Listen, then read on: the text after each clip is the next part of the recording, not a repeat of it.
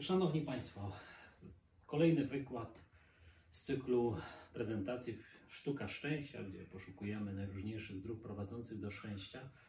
Omówiliśmy już wiele przykładów poszukiwania tego szczęścia. Czasy starożytne, świętego Augustyna, koncepcje chrześcijańskie, pewna prezentacja szczęścia w miłości.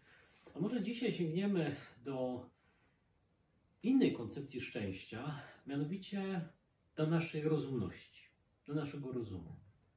Zwróćcie uwagę, że człowiek zawsze szczyci się tym, że posiada rozum.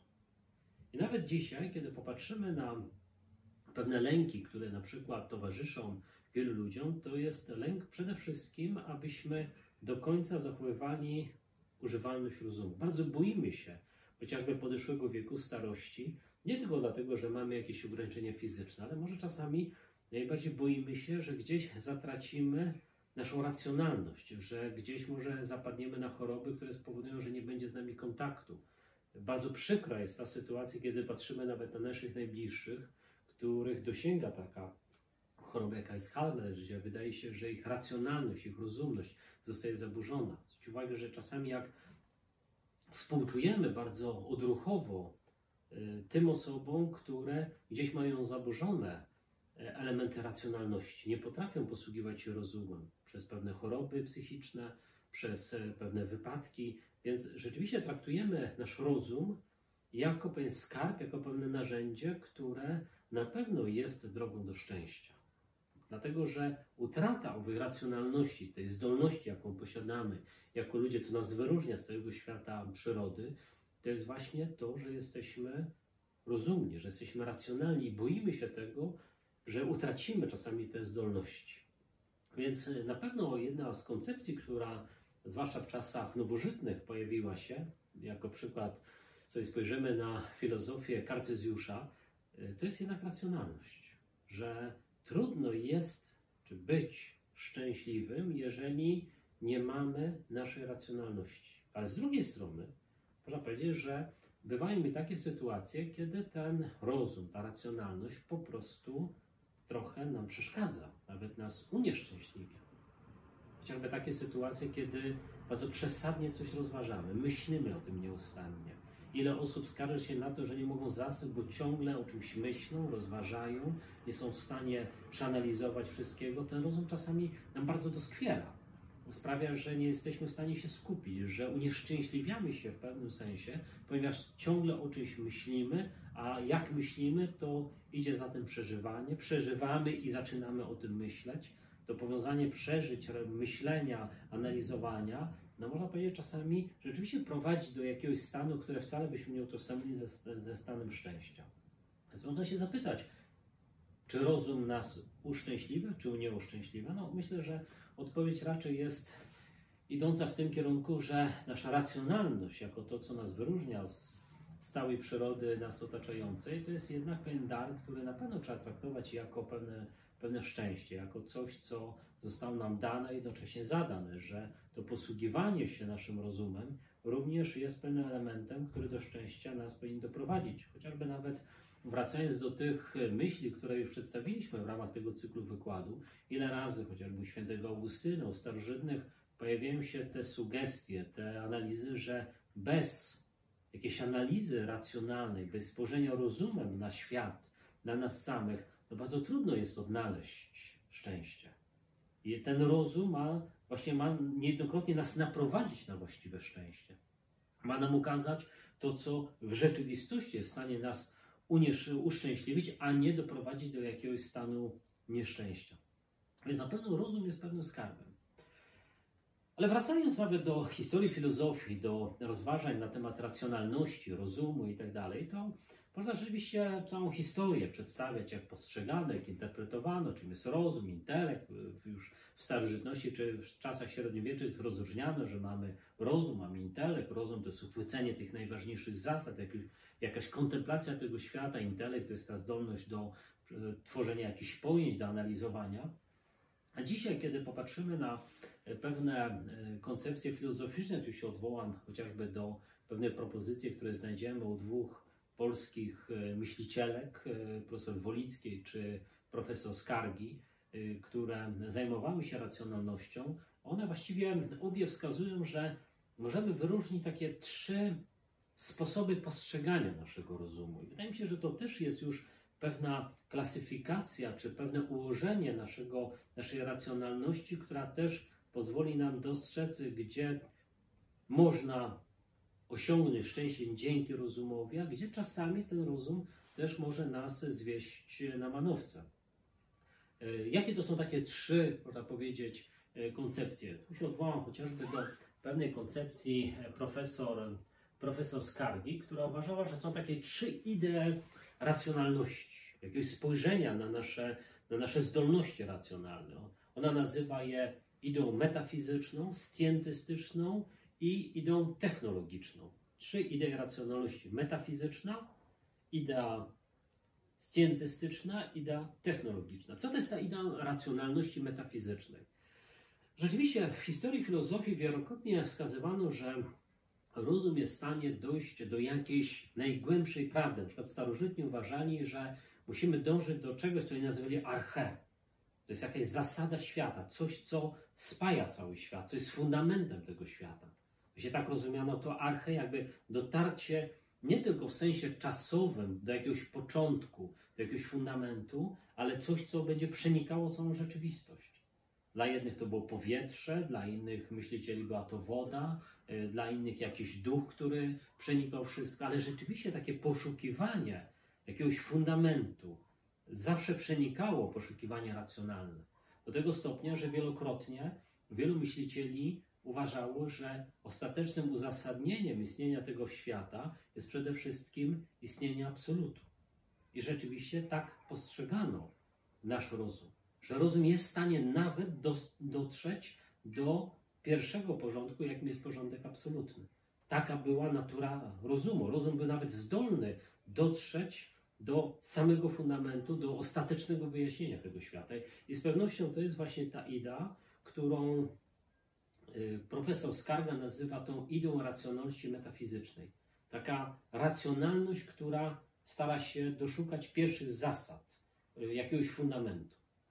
Y, druga idea racjonalności i trzecia, którą zaproponowała profesor Skarga, to jest pewna idea, którą możemy nazwać ideą racjonalności metafizycznej, idei racjonalności scjentystycznej i technologicznej. No, scjentyzm to jest pewne zafascynowanie naukami przyrodniczymi, że nauki przyrodnicze są w stanie nam odpowiedzieć na wszystko. Już gdzieś zostawiamy to poszukiwanie fundamentu, poszukiwanie pierwszych zasad, poszukiwanie tego ostateczne, to, co ostateczne, ale starajmy się za pomocą, głównie oczywiście za pomocą matematyki, opisać rzeczywistość, która nas otacza, znaleźć te wszystkie mechanizmy, które rządzą tą rzeczywistością.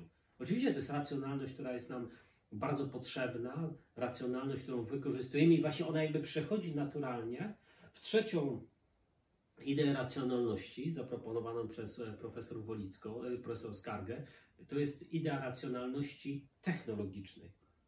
Wtedy nieustannie się obracamy.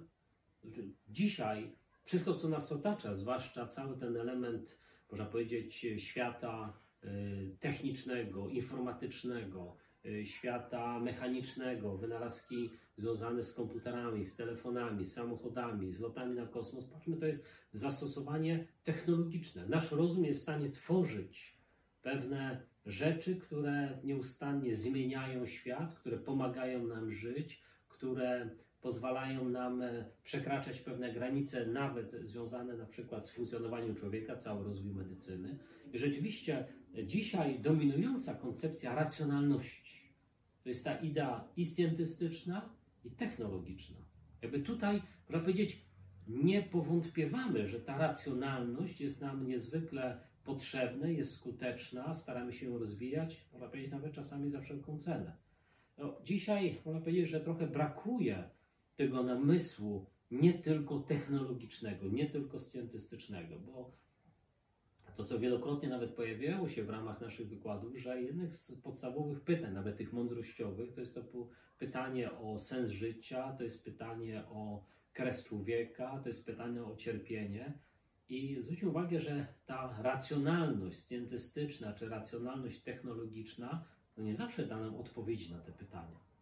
Rzeczywiście nawet technologie są w stanie próbować nam zmienić czy ułatwić życie, ale nie odpowiedzą nam pytanie o sens chociażby cierpienia. Dlaczego coś się dzieje?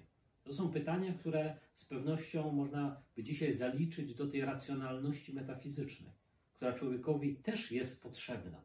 Z tych pytań i poszukiwania odpowiedzi w żaden sposób nie można, nie można zrezygnować.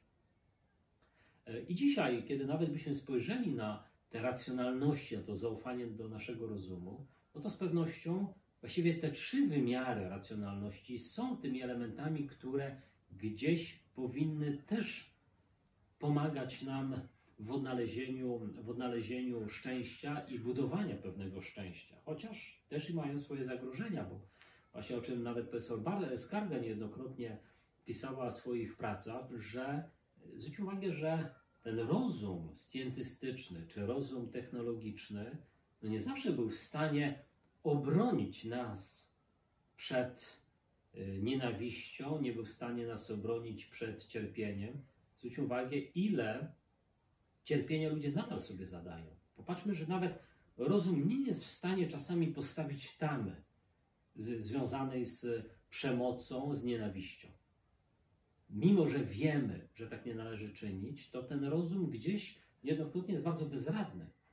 Y, jest jeden z, jedna z, jeden z tytułów książek y, profesora Skargi brzmi o filozofię bać się nie musimy, o rozum bać się nie musimy. On zawsze będzie ważny, istotny, też będzie tym elementem, który człowiekowi pomaga, ale też niestety czasami ten rozum potrafi nas zawieść, że nie potrafi, nie potrafi postawić granicy, abyśmy pewnych rzeczy nawet nie czynili, żebyśmy pewnych elementów technologicznych chociażby nie wykorzystywali do czegoś złego jest e, chociażby e, pewna refleksja, która pojawiła się u twórców bomby atomowej, e, wielkie apele, żebyśmy tego zaprzestali. Oni zaangażowali swoją racjonalność w celu zakończenia wojny, w celu nawet przestraszenia Japończyków, aby za pomocą bomby atomowej powstrzymać całą falę tragedii, która mogła dalej się toczyć. Ale kiedy zobaczyli, jakie są konsekwencje tego, jak ta racjonalność technologiczna, scjentystyczna ze swoimi wynalazkami bardzo śmiercionośnymi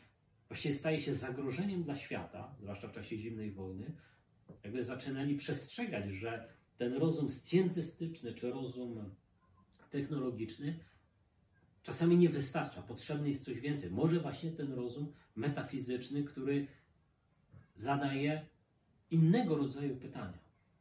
I rzeczywiście może pierwsza lekcja, jaka pojawia się w tej drodze na uszczęśliwianie człowieka poprzez racjonalność, to jest właśnie taka, że powinniśmy dostrzec wiele wymiarów naszej racjonalności. Aby się może nie tylko fascynowali się nowymi technologiami, wynalazkami, możliwościami naszego rozumu, technologii itd. Tak Zwróć uwagę, że te technologie niejednokrotnie nie tylko są w stanie nam ułatwiać życie, ale też stają się swego rodzaju jakiegoś zagrożeniem, o czym pisał chociażby taki współczesny futurolog, człowiek, który patrzy w przyszłość w sposób też często racjonalny, Harari, taki myśliciel izraelski, e, który w swoich pracach, chociażby 21 wykładów na XXI wiek, jakby przestrzega ludzkość e, przed pewnymi konsekwencjami naszej racjonalności. Kiedy tak mocno zaczynamy ufać technologii, tak mocno rozwijamy big data, czy przypadkiem to nie spowoduje wielu zagrożeń, że gdzieś zatracimy naszą wolność, że będziemy nieustannie manipulowani, że właściwie ta wiedza, ta racjonalność technologiczna staje się nie tyle radością człowieka, ale staje się elementem e, kupowania, elementem handlu, elementem przetargów między państwami i korporacjami, że właściwie ta racjonalność jakby zostaje oderwana od troski o człowieka. I niestety takie zagrożenia pojawiają się. E, wracając do pewnego, pewnego szczęścia związanego z racjonalnością, to chciałbym tu sięgnąć do myśliciela XVII-wiecznego, e, Kartezjusza. Z pewnością wszyscy znamy jego słynne powiedzenie, choć może nie do końca sobie zdajemy sprawę, co Kartezjusz tak do końca miał na myśli. Słynne myślę, więc jestem cogito ergo sum. To jest chyba najsłynniejsze zdanie Kartezjusza, które znamy wszyscy, cytujemy nie, niejednokrotnie. Ale z pewnością Kartezjusz właśnie żyje w czasach nowożytnych, kiedy to zaufanie do racjonalności, to tworzenie się nowoczesnej nauki, tego rozumu scjentystycznego, bo to jest właśnie czas, kiedy ten rozum scjentystyczny zaczyna dominować. To jest czas procesu Galileusza, jeszcze pewnego napięcia między rozumem teologicznym, metafizycznym, a rodzącym się rozumem scjentystycznym. Ale rzeczywiście ten rozum scjentystyczny, to zaufanie do rozumu staje się coraz większe. I Kartezjusz na pewno jest tego dobrym przykładem, ale może wracając do pewnego, pewnej interpretacji tych słów kartezjańskich, myślę, więc jestem, e, to wcale, e, wydaje mi się, tak e, nie jest podkreślenie jakiegoś egoistycznego spojrzenia na świat, że wszystko się zaczyna ode mnie, tylko Kartezjusz właściwie chciał w swojej metodzie posługiwania się rozumem znaleźć coś, co jest niepowątpiewalne. Kartezjusz jakby zaczął dostrzegać, że właściwie my we wszystko możemy wątpić. Czy zmysły nas nie oszukują? No, posługiwał się takim przykładem. No, jeżeli włożymy łyżeczkę do szklanki e, wody, no to nagle zmysły nas oszukują. No, ta łyżeczka pod wpływem e, załamania jest jakby przełamana. Wiemy, że tak nie jest. No więc czy my rzeczywiście możemy ufać naszym, naszym zmysłom? Więc w co my możemy, czemu możemy ufać, jeżeli nawet nasze zmysły potrafią nas oszukiwać? Więc Kartezjusz zaczyna metodycznie wątpić. Metodycznie. Czyli po kolei, czy zmysły nas oszukują, co jest właściwie niepowątpiewalne, coś, w co człowiek już nie, mo nie może wątpić. Rzeczywiście Kartezjusz znalazł taki punkt wyjścia. To, co jest niepowątpiewalne, to jest fakt mojego wątpienia. Ja nie mogę już wątpić w fakt, że ja wątpię. Jakby Kartezjusz pokazał, że takim punktem wyjścia właściwie jest nasze krytyczne, metodyczne postrzeganie świata za pomocą naszej racjonalności. To jest jakby punkt wyjścia. Rzeczywiście Kartezjusz dokonał pewnego przełomu filozofii. Kartezjusz właściwie doprowadził do tego, że gdzieś w centrum, mimo że zajmował się udowadnianiem istnienia Pana Boga, nieśmiertelności duszy, był bardzo pobożnym człowiekiem Kartezjusz, ale Kartezjusz rzeczywiście jakby pokazał, że punktem wyjścia zaczyna być człowiek, właśnie z jego racjonalnością. Oczywiście on tą racjonalność postrzegał w sposób bardzo zasadniczy jako możliwy, jako, jako proces wątpienia, żeby znaleźć to, co jest niewątpliwe. Te słowa cogito, myślę, jestem, to jest punkt wyjścia. Od tego należy wyjść. Punktem wyjścia jest nasze wątpienie, nasze myślenie, nasza racjonalność i na tej podstawie możemy dopiero mówić o całej rzeczywistości zewnętrznej. Na pewno była to przełomowa myśl kartezjańska, taki byśmy powiedzieli przewrót kopernikański. Tak jak Kopernik e, odkrył, że wszystko się obraca e, wokół Słońca, a nie wokół Ziemi, tak e, Kartezjusz chciał pokazać, że punktem wyjścia właściwie staje się człowiek. To jest punkt wyjścia. Nasza podmiotowość, nasza racjonalność. I wydaje się, że Kartezjusz chciał pokazać, że drogą do szczęścia człowieka jest właśnie zaufanie czy odwołanie się do naszej racjonalności. Za chwilę sobie zobaczymy, jak on tak konkretnie rozumiał, czym jest ta racjonalność jak ją powiązać z innymi rzeczami. Tu posłużę się bardzo ciekawą interpretacją e, francuskich myślicieli e, Philippe e, Danino i Erika Oden, E, którzy poświęcili właśnie całą taką ładną monografię szczęściu i właśnie jeden z rozdziałów poświęcili Kartezjuszowi. Trzeba przyznać, że mało w literaturze znajdziemy takich interpretacji szczęścia o Kartezjusza, tak jak szczęście u starożytnych, Epikura, Seneki i innych, o czym nawet mówiliśmy wcześniej, u Arystotelesa, Augustyna, znajdziemy wiele opracowań. Tak rzeczywiście pojęcie szczęścia kartezjańskiego takiego związanego z racjonalnością, trzeba przyznać, że za dużo takich tekstów y, nie ma. Zainteresowało mnie właśnie to, że y, ci dwaj francuscy myśliciele w swojej monografii poświęconej historii szczęścia, filozofii, jeden z rozdziałów poświęcili Kartezjuszowi. To, co jest dla nich niezwykle istotne, to właśnie to, o czym właściwie już mówimy od, od początku tego wykładu, że jest to racjonalność. Ale racjonalność to zaufanie do racjonalności. E, przede wszystkim jest to zaufanie do zdolności naszych poznawczych że my jesteśmy w stanie dobrze rozeznać z perspektywy szczęścia, co człowiek powinien czynić. E, właściwie w jaki sposób postępować, co wybrać. Rzeczywiście Kartezjusz myślę, że tu wraca do pewnych idei starożytnych, że nasz rozum powinien nam przede wszystkim dobrze podpowiadać, co należało wybrać. I Kartezjusz jeszcze zwraca uwagę na jedno, że właściwie człowiek jest nieustannie przeniknięty różnymi pragnieniami. Pragniemy szczęścia, pragniemy samochodu, pragniemy miłości, e, pragniemy najróżniejszych rzeczy. I Kartezjusz mówi, że nasz rozum powinien nam bardzo pomagać w pewnej analizie tego, czego pragniemy i może jeszcze jednej ważnej rzeczy. Czy my jesteśmy w stanie osiągnąć to, czy pragniemy? Czy czasami nie trzeba zmodyfikować naszych pragnień? Czy nasz rozum nie powinien się zaangażować pewne rozeznanie, w pewne osądzenie tego, czy nasze pragnienia są po prostu adekwatne. My, czy my czasami nie pragniemy za dużo, albo czy czasami nie pragniemy za mało. I może po to jest potrzebny, potrzebny jest rozum. Właściwie ci dwaj autorzy, o których, których Państwu tutaj przytaczam, francuscy w tej swojej monografii dają taki bardzo, bardzo konkretny przykład takiego działania kartezjańskiego. Y, mówi, wyobraźmy sobie taką sytuację, że mamy człowieka, który nie zarabia jakichś wielkich pieniędzy, pracuje na jakimś stanowisku i nagle zapragnął kupić sobie bardzo dobry samochód.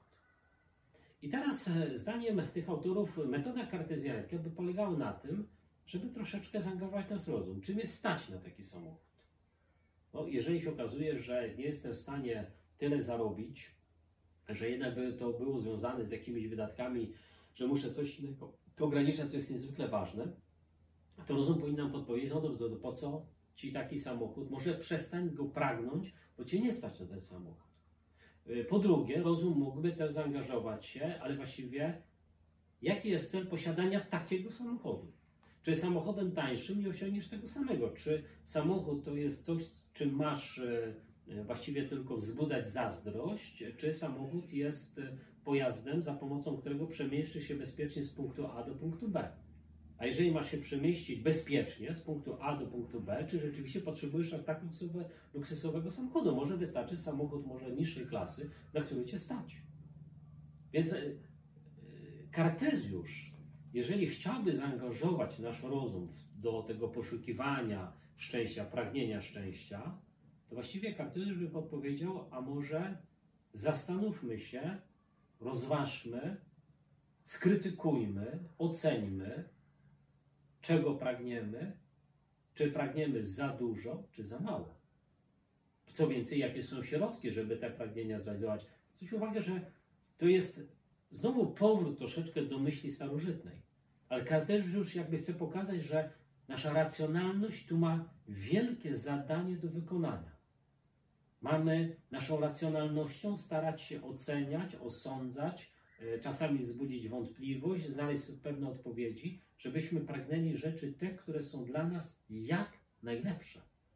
I czasami się okazuje, że to, co dla nas w tym momencie jest najlepsze, to czasami trzeba te nasze dążenia trochę obniżyć, ale czasami trzeba nasze dążenia podwyższyć. Bo może, że to, czego pragniemy, to jest po prostu nasze czyste lenistwo, że nam się nie chce na przykład czegoś zrobić. I tu potrzebne jest duże zaangażowanie, zaangażowanie naszej, naszej racjonalności. Również e, e, Kartezjusz zwraca uwagę na jedną rzecz, mianowicie, że to, co najbardziej przeszkadza nam e, w pracy naszego rozumu, to są uczucia. To są nasze emocje, nasze afekty. Jak oczywiście tutaj nie, nie definiuję tego w sposób czysto psychologiczny, czym jest uczucie, czym jest afekt i tak dalej. Bardziej to chodzi o tą całą sferę, nazwijmy to emocjonalną. I Kartezjusz e, również twierdzi, że właśnie uczucia e, muszą także być poddane pewnemu studium. My musimy przyglądać się naszym uczuciom. E, uczuciom. I można powiedzieć, że to przyglądanie się naszym uczuciom, wydaje mi się, że u Kartezjusza nie polega na tym, żeby uczucia stłumić tylko i wyłącznie, że uczucia to jest coś, co nas zagraża, co zaburza naszą racjonalność, że poprzez uczucia nie będziemy w stanie dobrze postrzegać. No wiemy chociażby, jak czasami jesteśmy w pewnych afektach, jak człowiekowy rozum odbiera. jeżeli się zdenerwujemy, jeżeli, jeżeli wywołane są w nas tak silne emocje, że człowiek wie, że traci gdzieś kontrolę, nie żałuje nawet słów, które powiedział, czynów, które zrobił, ale wie, że było to pod wpływem wielkich emocji. To, co nawet znajdziemy w prawie karnym, że jeżeli jest to zbrodnia w afekcie, są jakieś elementy, które mo mogą łagodzić e, to, to ten czyn, który dokonaliśmy. Sami wiemy, że, e, że uczucia są w stanie zaburzyć naszą percepcję, naszą racjonalność, nasze nasze postępowanie. I Kartezjusz właśnie zwraca na to uwagę, żeby tu ćwiczyć nasz rozum, żeby e, te uczucia gdzieś czasami umieć przemieścić, umieć ocenić nasze uczucia. Ale z drugiej strony u Kartezjusza nie znajdziemy, że trzeba odrzucić uczucia, że stać jak stoik, nie czuły na jakieś uczucia, że mamy tylko rozumowo wszystko rozważać. Nie? Popatrzmy, że uczucia czasami właśnie są pewnym sygnałem dla racjonalności. Uczucia jakby niejednokrotnie ta reakcja, nazwijmy to emocjonalna na pewne sytuacje, y, można powiedzieć, że ma wskazać, że coś może dla nas jest ważne, może właśnie należy przeanalizować, przemyśleć to. Rzeczywiście ta, ta proporcja między emocjami a stroną intelektualną wcale nie jest prosta w naszym życiu.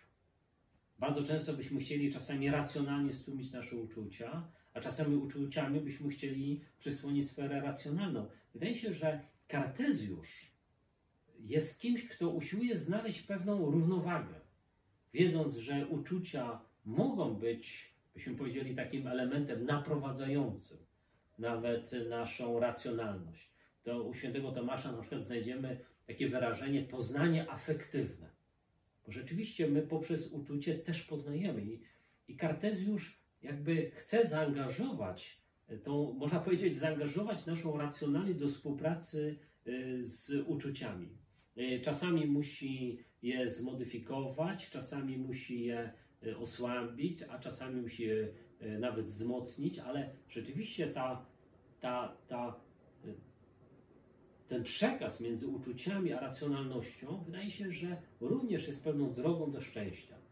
Trudno być szczęśliwym, jeżeli pozbędziemy się wszelkich uczuć, że staniemy się twardzi jak skała. Może nam się wydaje, że życie byłoby łatwiejsze, ale to wcale nie jest droga do szczęścia. Tak samo drogą do szczęścia nie jest to, jeżeli będziemy cały czas targani emocjami, że będziemy szli za każdą emocją, za każdym afektem, za każdym uczuciem. Będziemy tylko rozważać to, co serce nam podpowiada. Wydaje mi się, że nie należy przeciwstawiać głosu serca i głosu rozumu. To nie są dwa odrębne głosy. Może czasami trzeba umieć nawiązać pewną współpracę między naszą sferą emocjonalną a naszą racjonalnością, co wbrew pozorom jest bardzo trudne, ale jednak jest pewną, pewną drogą do szczęścia. Kartezjusz, kiedy właśnie analizuje tę relację między uczuciami a sferą racjonalną, zwraca uwagę, żebyśmy nie starali się może czasami rzeczywiście opanować, żeby uczucia nie przekraczały pewnych granic, że, że to zło użycie uczuć może czasami prowadzić do, do, złych, do złych konsekwencji. Innym elementem, który dla Kartezjusza, oczywiście wielu filozofów też to będzie mocno podkreślało, że owa racjonalność, którą mamy, którą mamy się posługiwać, która ma także nas uszczęśliwiać, ona też ściśle związana jest z naszymi wyborami, z naszym wolnym wyborem. Bo wydaje się, że to jest drugi aspekt racjonalności, że trudno jest być szczęśliwym, jeżeli gdzieś nie używamy naszej wolności. I wydaje się, że to, to jest drugi e, jakiś element niezwykle istotny, kiedy dzisiaj byśmy mówili, co znaczy być szczęśliwym. Wydaje się, że e, dzisiaj dla dużej grupy ludzi szczęście utożsamia się z miłością i wolnością. No bo czy człowiek może być szczęśliwy, będąc zniewolony? Oczywiście e, nie będziemy tu analizować w ogóle pojęcia wolności, czym jest wolność, bo byśmy musieli poświęcić chyba następny cykl wykładów tylko i wyłącznie rozumieniu wolności, ale u Kartezjusza też się pojawia e, ten aspekt, że nasza racjonalność, ona właściwie ściśle znowu współpracuje z tym, że posługujemy się naszą wolą, że wybieramy. Bez namysłu, bez rozeznania, e, bez analizy tego, co ważne, nieważne, dobre, złe, właściwie człowiek nie będzie nigdy wolny. Wolność to nie jest tylko zdolność czynienia czegokolwiek. Zdolność to jest wolność to jest pewna zdolność wybierania, byśmy powiedzieli, tego, co jest prawdziwe. Jest e, dosyć piękne określenie wolności zapromowane znowu przez Jana Pawła II w jednej ze swoich encykliki, że wolność jest to samo uzależnienie się od prawdy, która ode mnie nie zależy. Uzależnienie się od prawdy, samo uzależnienie, jest to moja decyzja, żeby wybrać to, co jest prawdziwe, to, co jest dobre. Trudno jest mówić o wolności, jeżeli ono nie, nie powiązane jest z dobrem. Jeżeli ktoś e, e, zabija człowieka, to przecież nie powiemy, no co za wspaniały czyn wolności, wolności, jaki piękny przejaw wolności. Nigdy tak nie powiemy. Patrzmy, że jeżeli ktoś popełnia jakieś zło, zwróćcie uwagę, nam trudno jest powiedzieć, no co się go czepiamy, przecież to jest wolny człowiek. No, nie powiemy, że to jest przejaw piękny wolności. Myśmy powiedzieli raczej, że jest to nadużycie wolności, że jest to niewłaściwe użycie wolności, że pewną granicą wolności mimo wszystko jest, jest godność drugiego człowieka.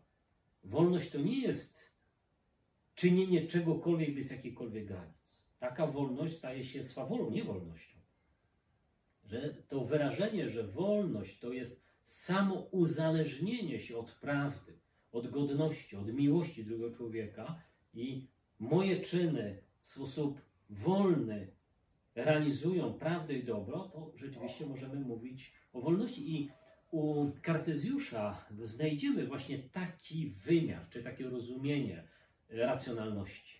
Że racjonalność nie jest tylko i wyłącznie służącą do tego, żeby poznać, żeby kontemplować, tak jak nawet u starożytnych yy, mówiliśmy o mądrości i tak dalej, ale nasza racjonalność, ona jest bardzo ściśle powiązana z tym, co wybieramy, jak wybieramy, y, czego pragniemy, do czego powinniśmy dążyć.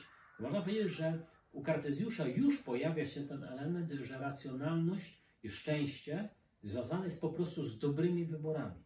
Że ta racjonalność nie jest tylko celem samym sobie, że mamy lepiej wiedzieć, więcej wiedzieć, dokładniej wiedzieć, ale że również ta racjonalność ma taki bardzo konkretny wymiar praktyczny, że w tej racjonalności ja również muszę jakby posłużyć się ową racjonalnością, moim rozumem, rozeznaniem do tego, żeby lepiej, jeszcze lepiej, jeszcze doskonalej wybierać. Zwróć uwagę, przed wyborami nigdy nie uciekniemy. W życiu nigdy nie uciekniemy przed wybieraniem. Jeżeli ktoś powie, nie będę w życiu wybierał, to już coś wybrał. Odmowa wyboru już jest wyborem. Człowiek nie jest w stanie uciec przed wyborami. I to jest również jakaś rzeczywistość, która nas nieustannie przenika. Również trudno jest mówić o szczęściu, jeżeli tej możliwości wyborów nie posiadamy. No ale dla Kartezjusza właściwie szczęście nie jest związane z samą możliwością wyboru.